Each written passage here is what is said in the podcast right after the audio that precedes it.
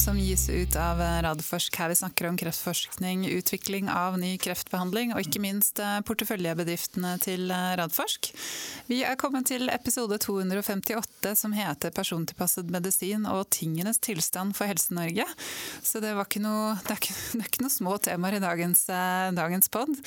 Vi er kommet til 14. februar, og klokken er blitt tolv. Og da hadde jeg jo vanligvis da skulle introdusert Jonas Einarsson. Men han er eh, paneldeltaker på Partnership for Life-konferansen i dag. Men eh, han og jeg skal ta opp en ekstra podkast senere i uken, som vi da skal legge ut eh, neste uke i vinterferien. Da vi skal gå gjennom litt nytt fra selskapene våre, ikke minst. Og så skal vi gå gjennom egentlig litt hva som har kommet på litt ulike konferanser. Både den som Jonas var på i New York forrige uke. Få med oss litt trender derfra, men også de store konferansene som har vært eh, i Norge denne, denne uken her. Men jeg er heldigvis ikke aleine i studio. Jeg er så heldig at jeg har med meg Steinar Thoresen. Jeg sier velkommen først, eh, Steinar. Jo, takk for det. Takk ja. for at du fikk lov å komme. Veldig hyggelig å ha deg med. Og så skal jeg ta, for det, det, var det jeg skulle si, Hvis jeg skulle tatt Steinar Thoresen, navnet ditt, og så alt, alle, alt, du holder på med, så hadde det blitt litt langt. Men du er da nå interimmedisinsk direktør i Merke Norge. Ja. ja? Mm. Uh, og så er du medisinsk ansvarlig i et oppstartsselskap, eh, Nordic eh, RWE, ja, som driver med helsedataforskning. Helsedata, ja. uh, og så leder du jo også styringsgruppen for Connect sammen med Sigbjørn Smeland. Mm. Mm. Og Connect er jo da det initiativet fra Kreft-Norge, offentlig-privat, om å utvikle, altså implementere presisjonsmedisin i Sykehus-Norge. Ja. ja. Eh, men i tillegg til dette her, så har du jo en, hatt en lang karriere i både det offentlige Helse-Norge og det private Helse-Norge. Kan du ikke si litt om det før vi skal inn på det vi skal prate om i dag? Jo da, det kan jeg godt. Det er klart Når man har eh, levd en stund, så har man jo også da nødvendigvis vært med på en del ting. Så i utgangspunktet så eh, er jeg patolog eh, med utdannelse fra, fra Haukeland sykehus. Jeg studerte i Oslo og gjorde de obligatoriske turene som militærtjeneste. og så reiste jeg til Bergen og var på Haukeland sykehus, universitetssykehus og gjorde patologi der og ble spesialist i patologi. Og tok også en doktorgrad der på brystkreft i i seint 70-tall og begynnelsen av 80-tallet. Ehm, og når vi var ferdig der etter en eh, fire-fem år, så dro vi tilbake til Oslo-området. Så jobbet jeg i rettspatologi på eh, Rikshospitalet Universitetet i Oslo. Og så mm, måtte jeg på sett og vis ta et valg hva jeg skulle bli når jeg ble stor. Og så gikk jeg tilbake til kreft, da, som jeg hadde jobba mye med som patolog. Og så begynte jeg på Kreftregisteret som spesiallegepatologi, som det het den gangen. Eh, og jobba med kreftforskning og tall knytta til patologi. Eh, samtidig som jeg gjorde diagnostikk. Eh, patologidiagnostikk én gang i uka fram til faktisk 2006, da, for å ha det litt i hendene.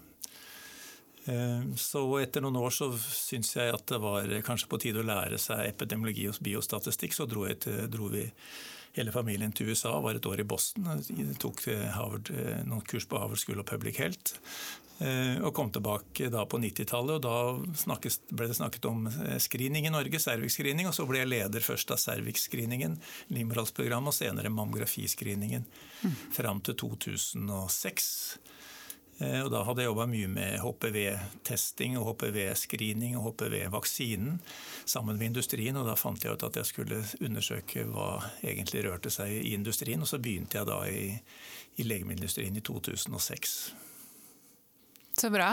Eh, og HPV-vaksinen den kan vi jo også takke deg for at vi fikk her til Norge. Og også de langtidsoppfølgingene, ja, studiene av det. Ja, så Amerikanske MSD la jo oppfølgingen av vaksinestudiene sine til Norge. Mm. Og, og, det ble både midler til Kreftregisteret og mange publikasjoner og fine data på, på HPV-vaksinen. etter Viktig, viktig program. Eh, og så har du jo i mange år hatt en eh, blogg i Dagens Medisin, eh, som jeg har lest eh, flittig, og som jeg vet mange i miljøet her har lest flittig. Nå, nå tror jeg de har gjort om, eh, gjort om systemet sitt med blogg, blogging. Ja, det er blitt eh, Ja, jeg fikk beskjed da jeg sendte den siste bloggen at nå var det slutt. Det var, så, så, nå er det blitt debattinnlegg. Ja. Det spiller jo ikke så stor rolle, Nei, kanskje. da. Det går jo ofte, ofte på det samme, men i hvert fall når det er debattinnlegg, så skal man jo kanskje mene noe sterkere noen ganger enn det man nødvendigvis skal Ja, gjøre ja da. i, en, i en blogg. Eh, men eh, eh, og da det siste, altså det debattinnlegget som du hadde, det er jo bakgrunnen for at du, du er her i dag, som vi skal snakke litt om nå. Fordi I januar eh, i år så la jo HOD da fram eh, revidert strategi for innføring av persontilpassa medisin. En strategi som skal gjelde fram til 2030. Eh, og den ble jo da eh, merksnodig nok, som du har påpekt, og som jeg også stussa litt på, lagt fram samme uke som helseminister eh, Ingvild Kjerkol holdt Altså det er en årlig sykehustale som helseministerne gjør. Dette jo da, var jo da hennes andre. Eh, hvor hun da maner sykehusene til eh, altså måtehold, rett og slett. Eh, nå, nå må det kuttes i allerede stramme budsjetter. Eh, og Helse-Norge har jo ikke jeg har vel ikke akkurat vært de som føler at de har mest eh, penger å rutte med i det siste. Eh, Og da skrev du da et debattinnlegg i Dagens Medisin eh, med tittelen 'Kan ny strategi for persontilpasset medisin innføres når alle budsjetter kuttes'? Kan du ikke fortelle litt eh, hva du mener Jo, med dette? Det er, det er flere ting med det. det. Det ene som jeg la merke til, var jo at eh, den forrige strategien gikk ut fra Helsedirektoratet. Og den som kommer nå, kommer fra eh, Helse- og omsorgsdepartementet, HOD. Ja. Og det er jo også et signal at det er politisk styring med det. Og, og oppi mitt hode så er liksom politisk styring som kommer fra regjeringen, skulle vel Det er to ting man da rår over. Det ene er jo lovverk som man kunne endre, og det andre er midler. Eh, Og Det er vanskelig å se at noe av det er i, i, i den nye persontilpasset medisinstrategien. Denne strategien skal jo omfatte alle terapiområder, ikke bare kreft, som vi for så vidt er mest interessert i, kanskje. Men også da kommunal helsetjeneste og forebygging, alle for så vidt, eh, altså parkinson, immunologi, diabetes osv. Så, videre. så det er et stort løft, og det, det er riktig at det kommer. Eh, Men, men for oss som har drevet med det en stund og, og, og tenkt tanker, så er det vanskelig å forestille seg at man kan innføre det i stor skala uten at det kommer friske midler med. Mm. Det har noe både med testing, diagnostikk, terapivalg, men det har også med struktur å gjøre, i nasjonal struktur, bygge opp kompetanse, eh, som helt sikkert koster penger. Og det, det er vel det jeg da påpeker, at det, eh, det kommer samtidig med sykehustalen, hvor det faktisk skal kuttes. Nå skal det vel sies at eh, gjennom tildelingsbrev osv. har vært satses noen midler gjennom til foretakene, men i forhold til strategien og viljen som for så vidt står der med tre strategiske mål og 14 eh, for så vidt handlingsplaner, så, så er det jo ikke noen midler der. Nei. Så det, det var det jeg reagerte litt på, at det, dette kom samtidig. Ja, for hva jeg holdt på å si, også, Og det som var spesielt kanskje også med, eller nytt også i denne altså Det er tross alt en revidert strategi, for man har jo allerede hatt en strategi. er jo at Nå skal det ikke bare gjelde spesialisthelsetjenesten, men nå skal det på en måte gjelde hele helsetjenesten. altså Helt ned på kommunalt nivå. Har man da nå en visjon Ja. om at eh, alle pasienter skal bli behandlet eh, pers altså sånn etter seg selv. Altså den personen du, du som individ skal få den behandlingen som du trenger. Ja, og også forebygging, for så vidt. Da. Ikke sant? Og jeg tror, jeg tror det er en god tanke. Ja. For at vi er forskjellige, og det forebygging virker forskjellig for eksempel på alle individer. Så, så det er en god tanke, men, men det er naivt å tro at det, ikke, ikke er forbundet med økte kostnader. Eh, Så det er det jeg påpeker litt i, i, i, i innlegget. Og, og samtidig så, så er nok eh, planen eller strategien sånn som man står nå, og når jeg leser den, så er den Så den tar ikke hensyn til at vi samtidig kunne skape litt helsenæring for å fordele utgiftene eller skape arbeidsplasser og skape innovasjon. Det står det veldig veldig lite om. Mm. Eh, og Det er liksom det tredje punktet mitt, at jeg syns at det bør også med. Jeg ser det står i forordet at helseministeren har skrevet noe om det, men det, ikke, det går ikke klart fram av strategien at man kunne satse på en del miljøer som som er gode på helsenæring og, og digitale løsninger, f.eks. bruke mer helsedata osv. Det savner jeg. Ja. ja, for det jeg holdt på å si, men er um jeg satt, satt og så på eh, et opptak av eh, Nils Olav Refsdal, altså underdirektør i Helse- og omsorgsdepartementet. Han var på besøk mm. hos eh, LMI, altså Legemiddelindustrien, foreningen, å, der han egentlig presenterte strategien litt mer inngående.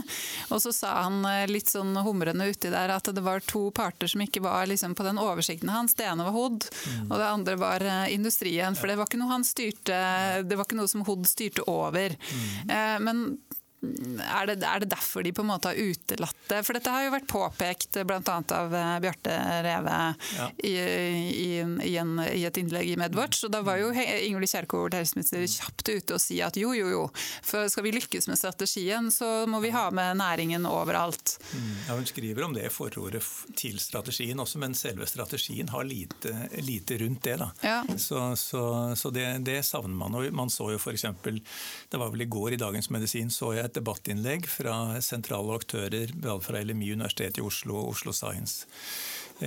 Center, City Center, at man eh, savner en nasjonal strategi for å bygge, bygge, helsenæring. Så dette kan gå litt hånd i hånd. Ikke sant. Og da har man jo den eh, stortingsmeldingen fra 2018-2019 som nettopp påpeker hvor viktig det er. Altså Hvis man skal få ut det hele potensialet i helsenæringen med privat-offentlig samarbeid. Så her hadde man jo hatt en, en, en gyllen mulighet til å på en måte sette litt retning for det.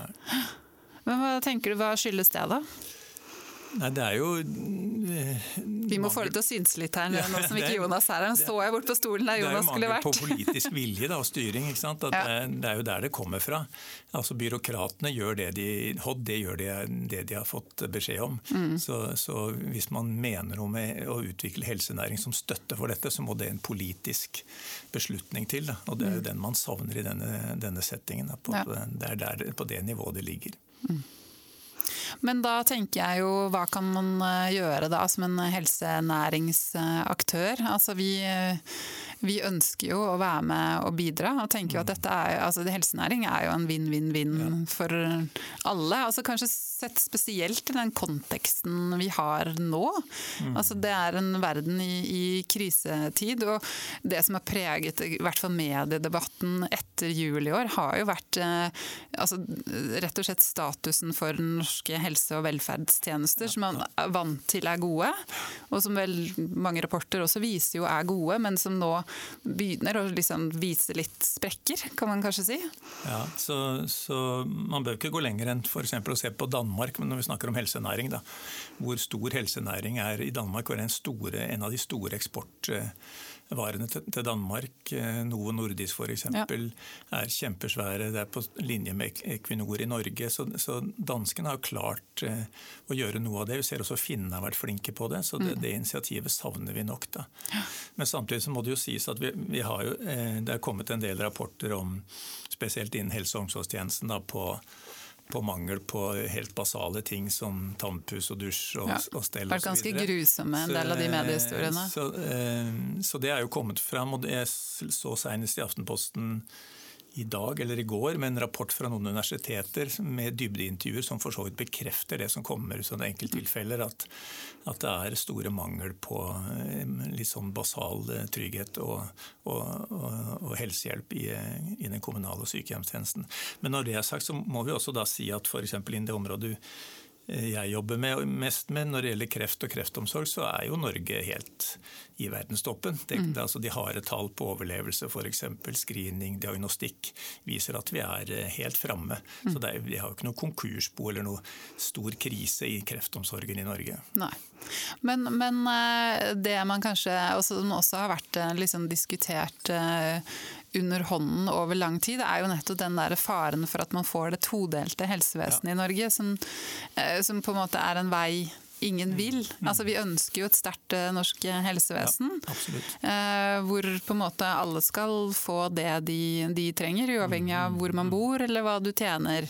Um, og, og, du og jeg snakket litt uh, før vi gikk inn i podden, uh, eller inn i studio her i dag, og så snakket vi litt om den situasjonen som man bl.a. ser nå på, på fødeavdelingen på, på Oslo universitetssykehus. Altså, vi har jo tidligere hatt et sånt distriktsopprør når det gjelder mm. fødetilbudet i Norge, men nå plutselig, fordi OS har jo sagt at de må kutte i fødetilbudet pga. de varslede kuttene i budsjettene fra, fra HOD, da, fra regjeringen, uh, og så har de kuttet der. og så ser man nå at det var, som du sa, en av nestorene innafor der som nå eh, sier opp. Han er utbrent, og, og, også velger å gå til det private. Og det gjør også eh, jordmødrene på, på ABC-klinikken, som også nå blir, blir lagt ned. Det er jo spesielt. Ja, da, ja det, er, det, er, det, er, veldig spesielt. Ja. Og det er klart, det, det, gjør nok inntrykk da når en så profilert fødselslege eh, som vedkommende går ut, og bl.a. i VG går, mm. og som ikke får noe støtte, føler han selv, da, og at han da velger å si opp og gå privat. Det er klart det er, det er et tydelig signal. Da. Og hvis jordmødrene gjør det samme, så, så, er, så, er, det jo en skrift på veggen, det. Den er veldig tydelig. Da. Mm. Og det er klart, det henger vel sammen med Nå er ikke jeg noen økonom og, og skal ikke mene for mye det, men det, det handler jo litt om finansieringsordningen av helseforetakene Eh, som konsern at det å ha normale fødsler, det lønner seg ikke. Det er, det, er, dårlig betalt for ja. helseforetakene. Så mistanken går jo den veien, da, at eh, det er grunnen til at det kuttes. Og så tenker jeg sånn samtidig, hvis man på en måte opplever det kanskje å ha en traumatisk fødsel, eller hvis noe skjer, da, så, så, eh, er jo det noe som kan følge og på en måte bli en belastning for helsebudsjettene over lang tid. Så det er den der manglende helhetstankegangen når alt blir sånne eh, økonomiske altså kolonner og bokser. Mm. Eh, ja. Men hva, hva kan vi gjøre med dette, da? Ja, så nå, det som, så Apropos da strategimeldingen som kom eh, på persontilpasset medisin, og så kommer Sykehusdalen samtidig. Altså, både det er liksom sånn kommunikasjonsmessig et, eh, litt i spagat. Da. At du kommuniserer at nå må dere gjøre mindre av ting, og nå må dere kutte. Og så samtidig kommer en voldsom strategi som inneholder mye bra. altså La mm. det være tydelig. Men som da ikke kommer uten noe særlig penger. Så det, bare det er jo en sånn underlig sak å observere. og så og så ser man jo da etter en stund at eh, finansministeren går ut og sier at vi har regna litt feil eller Finansdepartementet regna litt feil, at det, inflasjon og lønn og strøm og sånn er større enn vi trodde. Så det kommer penger til foretakene i eh, revidert statsbudsjett, som ofte kommer i mai. Mm. Eh, som jo er et, et, annet signal igjen. og Så går det en, en, uke til, og så finner man 2,5 milliard uavhengig av det reviderte statsbudsjettet og sykehustalen ja. til helseforetakene. Hvilket jo er bra. Men, men eh, man savner jo da kanskje en sånn helhetlig kommunikasjonsstrategi på hva man vil og hvilke signaler man sender ut. Nå, nå kan man jo frykte at den 2,5 milliarden går til utstyr og IT og, og, og, kanskje ikke til å bevare ABC-klinikken på, på, Ullevål. Eh, men, men, eh, men, det tyder jo på at for så vidt politikerne har skjønt noe av problemet. At de må rette seg etter realiteten. Men man kan jo savne en sånn helhetlig strategi på å kommunisere det. For man mm. blir litt eh, litt i spagaten her. Mm, absolutt, og det, og det, tenker jeg sånn der, Nå lever vi jo generelt i usikre tider. Eh, og vi, det har vi jo gjort en stund med, med, den, med, pandemien, som vi på en måte har vært gjennom. Men altså, man gikk jo fra pandemien rett inn til eh, altså krig, i, krig, i, Ukraina. med en veldig sånn usikker, usikkerhet altså globalt generelt. Eh, og nå som mange på en måte føler på i Norge med, med høyere altså Eh, bensinen har vært dyr lenge. Nå ser jo ikke den ut som den blir så mye dyrere akkurat for tida, men strømmen er dyr, vi får strømstøtte, ja vel. Men eh, også hvor lenge kommer denne krigen til å vare? Eh, og så på en måte ja, disse ganske rystende medieoppslagene da, om, om, eldre, sårbare mennesker som man på en måte hadde håpet virkelig blir tatt godt vare på, og så, og så skjer ikke det. Og så på en måte blir det dette jeg, så, jeg leste den kronikken til den fødselsoverlegen som jeg ikke husker i farta hva heter. og Han sier sånn, Sten, ja, eh, sier at det er trygt eh, å føde på sykehus mm. i Norge. Eh, men, mm. men man blir jo likevel får et litt sånn etterlatt inntrykk av at ja, ja er det virkelig det? Og det er vel det. Er det. Altså, ja. De tallenes klare er, ja. er men, men, det bringer inn, sånn som du sier, da, denne, litt sånn ja, denne usikkerheten. i hele verden. Og den Eh, den er lav, da. Mm. Men det er jo noe med kommunikasjonen og måten det formidles på da, som, som er annerledes. Det kommer jo også ny ble lagt fram ny eh, ikke strategi, men Helsepersonellkommisjonen eh, kom jo med sin, sine prognoser og hvordan man skal løse problemet også midt oppi alt dette. Ja. Og, og, og de, den må vi gjerne snakke litt mer om, for den også var jo ganske rystende. Altså ikke rystende i sin lesing for så vidt, fordi jeg tror mange av oss som jobber innenfor helse, har jo et, dette, for oss er jo dette her ja, selvfølgelig. Det, men nå kom det litt svart på hvitt. Altså, vi blir en eldre befolkning, eldre blir stadig sykere. Vi har behov for mer, mm. eh, mer behandling. Eh, og vi kan, har ikke råd til å ansette alle disse menneskene i eh, Sykehus-Norge eller i, i helse- og omsorgstjenestene i Norge. Eh, hvis det, altså sånn, sånn, som det ser ut nå. Og så kom det med en rekke, ja. rekke, tiltak. Men da sa du at dette her er jo overhodet ikke noe nytt. Nei, det, det er ikke det. Og jeg, eh, jeg kom over eh, en, eh, det som het NOU, Norges offentlige utredninger, som det het før. Faktisk en i 1974. Da studerte jeg medisin, så jeg husker den ikke fra den tida, men jeg fant den fram nå.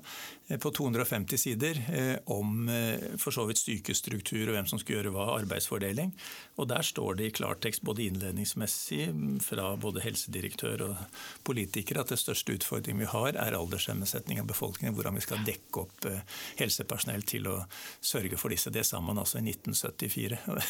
Så det er litt pussig å lese akkurat det, for det, det jo, blir bare gjentatt nå. Nå gikk det noe bra, da. fra ja. 1974.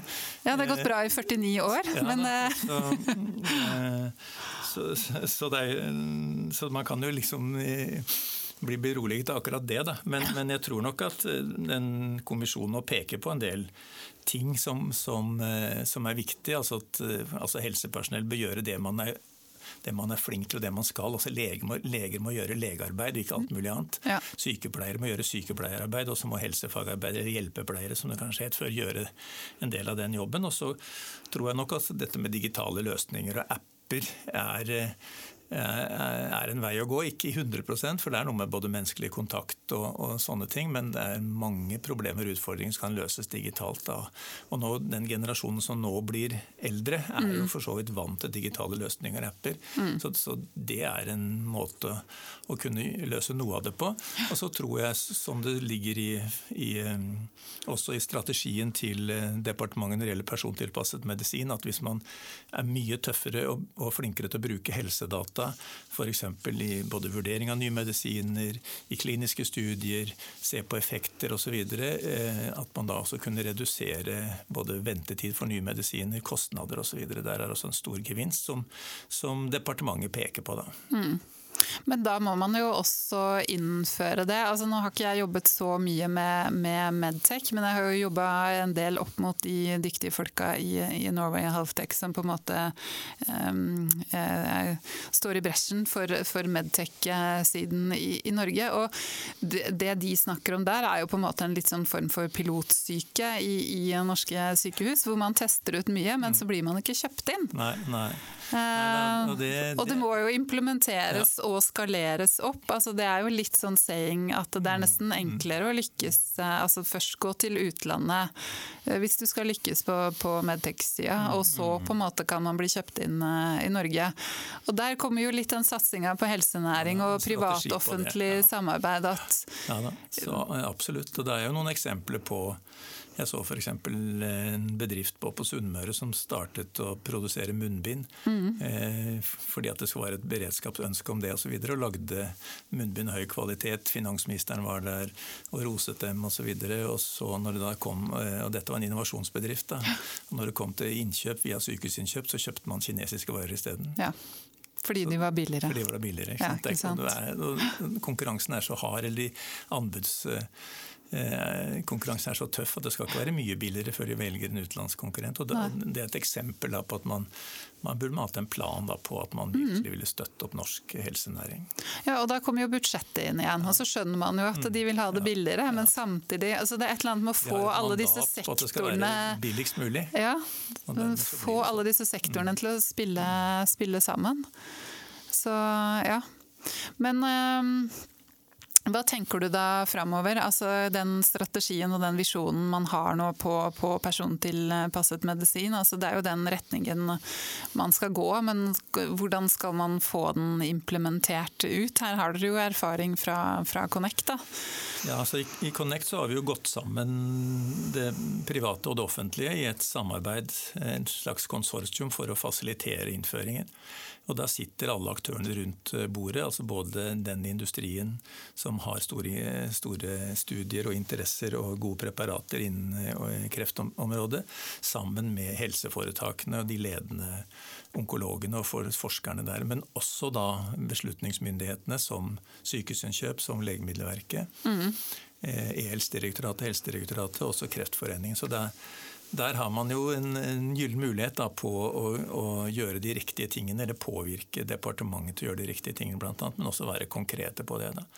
Så eh, jeg føler at vi har eh, gjennom de to første årene da, for det første da hatt, fått en møteplass hvor man samles rundt bordet og lærer av hverandre. og Man har eh, ikke gravd skyttergraver, men lager en kultur på at man kan lære av hverandre. Mm. Eh, og det har nok ført til at eh, eh, både de globale selskapene har begynt å se på Norge som en, at denne Connect-ordningen er unik. Slik at det antall kliniske studier fra industrien globalt kan øke. altså kreftstudier, mm. Og har jo økt i Norge. Ja. Samtidig som man er en støttespiller for Impress-studien og selve Impred, da, som er på sett og uavhengig av selve selve Connect. Og så har man fått til en finansiering da, en ekspansjonskohorte på en av, en av, produktene i studien. Mm. Så det er jo, sånn sett så jobber vi nå med nye og litt eh, kanskje enda tøffere mål for neste periode. Eh, for å bli enda flinkere og kanskje enda mer konkrete på Eh, hva vi kan få til sammen. Mm. Men Hvordan ser du det jobben dere gjør i Connect i sam samsvar med den strategien? Altså, dere ble jo brukt som et godt eksempel ja, bl.a. av mm. Nils Olav ja, da, så, så jeg, tror, jeg, tror, jo det, eh, at en del andre terapiområder kunne lære av modellen. Mm. Eh, og Det har man jo for så vidt hørt litt om, at, at nevrologi har vært litt nysgjerrig på det. Kanskje man kunne gjøre det samme innen hjerte-kar osv. Mm. Eh, for å, for å Ta for seg de store sykdomsgruppene. I hvert fall modellen da, ja. Eh, til, å komme, til, å komme, videre. Mm. Det høres bra ut. Og vi, har, og vi har også sagt at vi er villige til å snakke med departementet, snakke med foretakene. Vi har en dialog med Beslutningsforum f.eks. rundt dette. Mm. Eh, så jeg tror modellvalget og det man har fått til, kan være et eksempel for andre terapiområder også. Mm.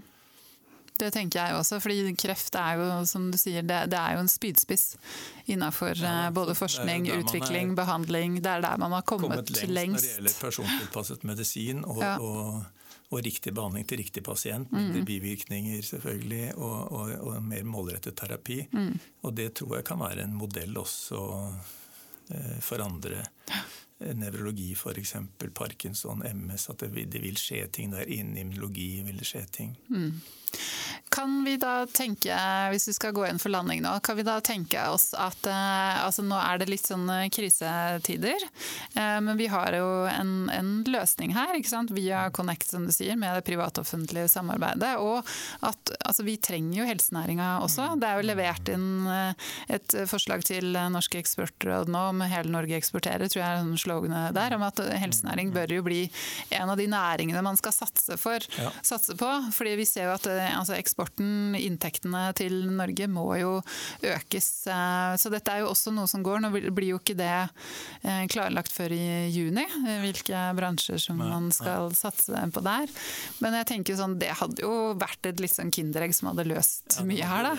Det, altså, det er klart, så er det grønn energi, i den forstand at det er reproduserbart. Mm. F.eks. helsedata, som jeg jobber, og derfor starter vi også det selskapet. Det, det, kan gjenbrukes hele tiden. Mm. Og, og det er er, det er en gullgruve vi har i Norge, som, jo, som kan brukes om igjen og om igjen, og som kan skaffe helsenæring også. I, ikke, den, ikke, den, at vi skal tjene penger direkte på helsedataene som, som norske pasienter har avgitt, men det er noe med selve modellen og grunnprinsippet mm. som kan brukes i, i forskning og utnyttelse til beste for andre pasienter. Ja. Uh, og, og, så tenker jeg det at det vi må huske på, er jo at uh, det er jo ikke bare Norge som har skjønt at helsenæring er en gull, altså viktig og er en bra eksportnæring. Altså, du snakker jo om Danmark, de har jo holdt på med mm. helsenæring lenge. og bare går til Sverige, Finland altså, mm. Finland har jo egentlig vært litt sånn bakpå der, litt sånn som Norge, men de har jo virkelig satsa. Ja, på en litt sånn måte som vi er misunnelige ja, på. Kan ikke du fortelle litt om din erfaring med finnene der? Jo, Finnene har jo bl.a. Altså innen helsedata gjort det sekundærdata, har gjort det tilgjengelig for alle mm. gjennom bl.a. et lovverk. Så der sitter ikke for så vidt registereiere mm, på sine registre med sine jurister og vurderer og lurer på og, og, og vil ikke og, og har en, en masse, rare, masse, spørsmål av forskjellig karakter, men der er det bestemt at det skal brukes sant, til det beste for pasientene. Mm. Så sånt lovverk har jo øh, vært smart for finnene. Og det er klart Helsenæring det er ikke noe lokalt kretsmesterskap.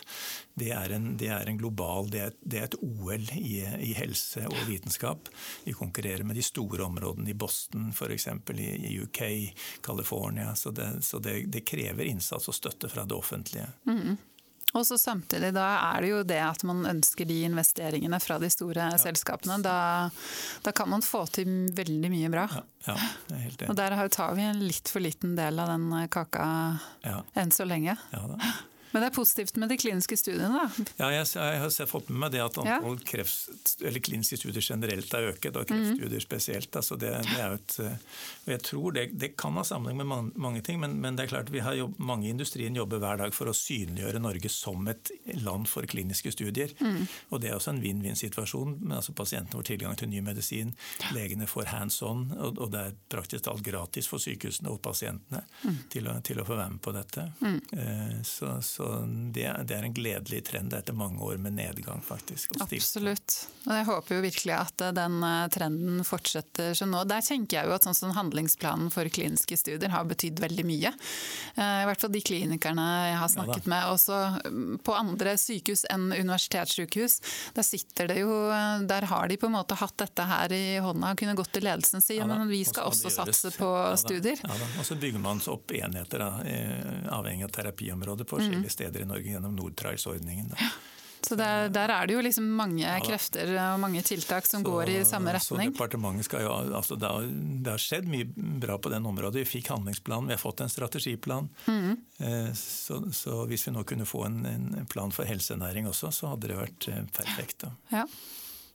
Ja, men Det er bra. Da lar vi det være siste ordet. Tusen takk for at du kom i studio, Steinar. Det er alltid så hyggelig og lærerikt å ha deg med.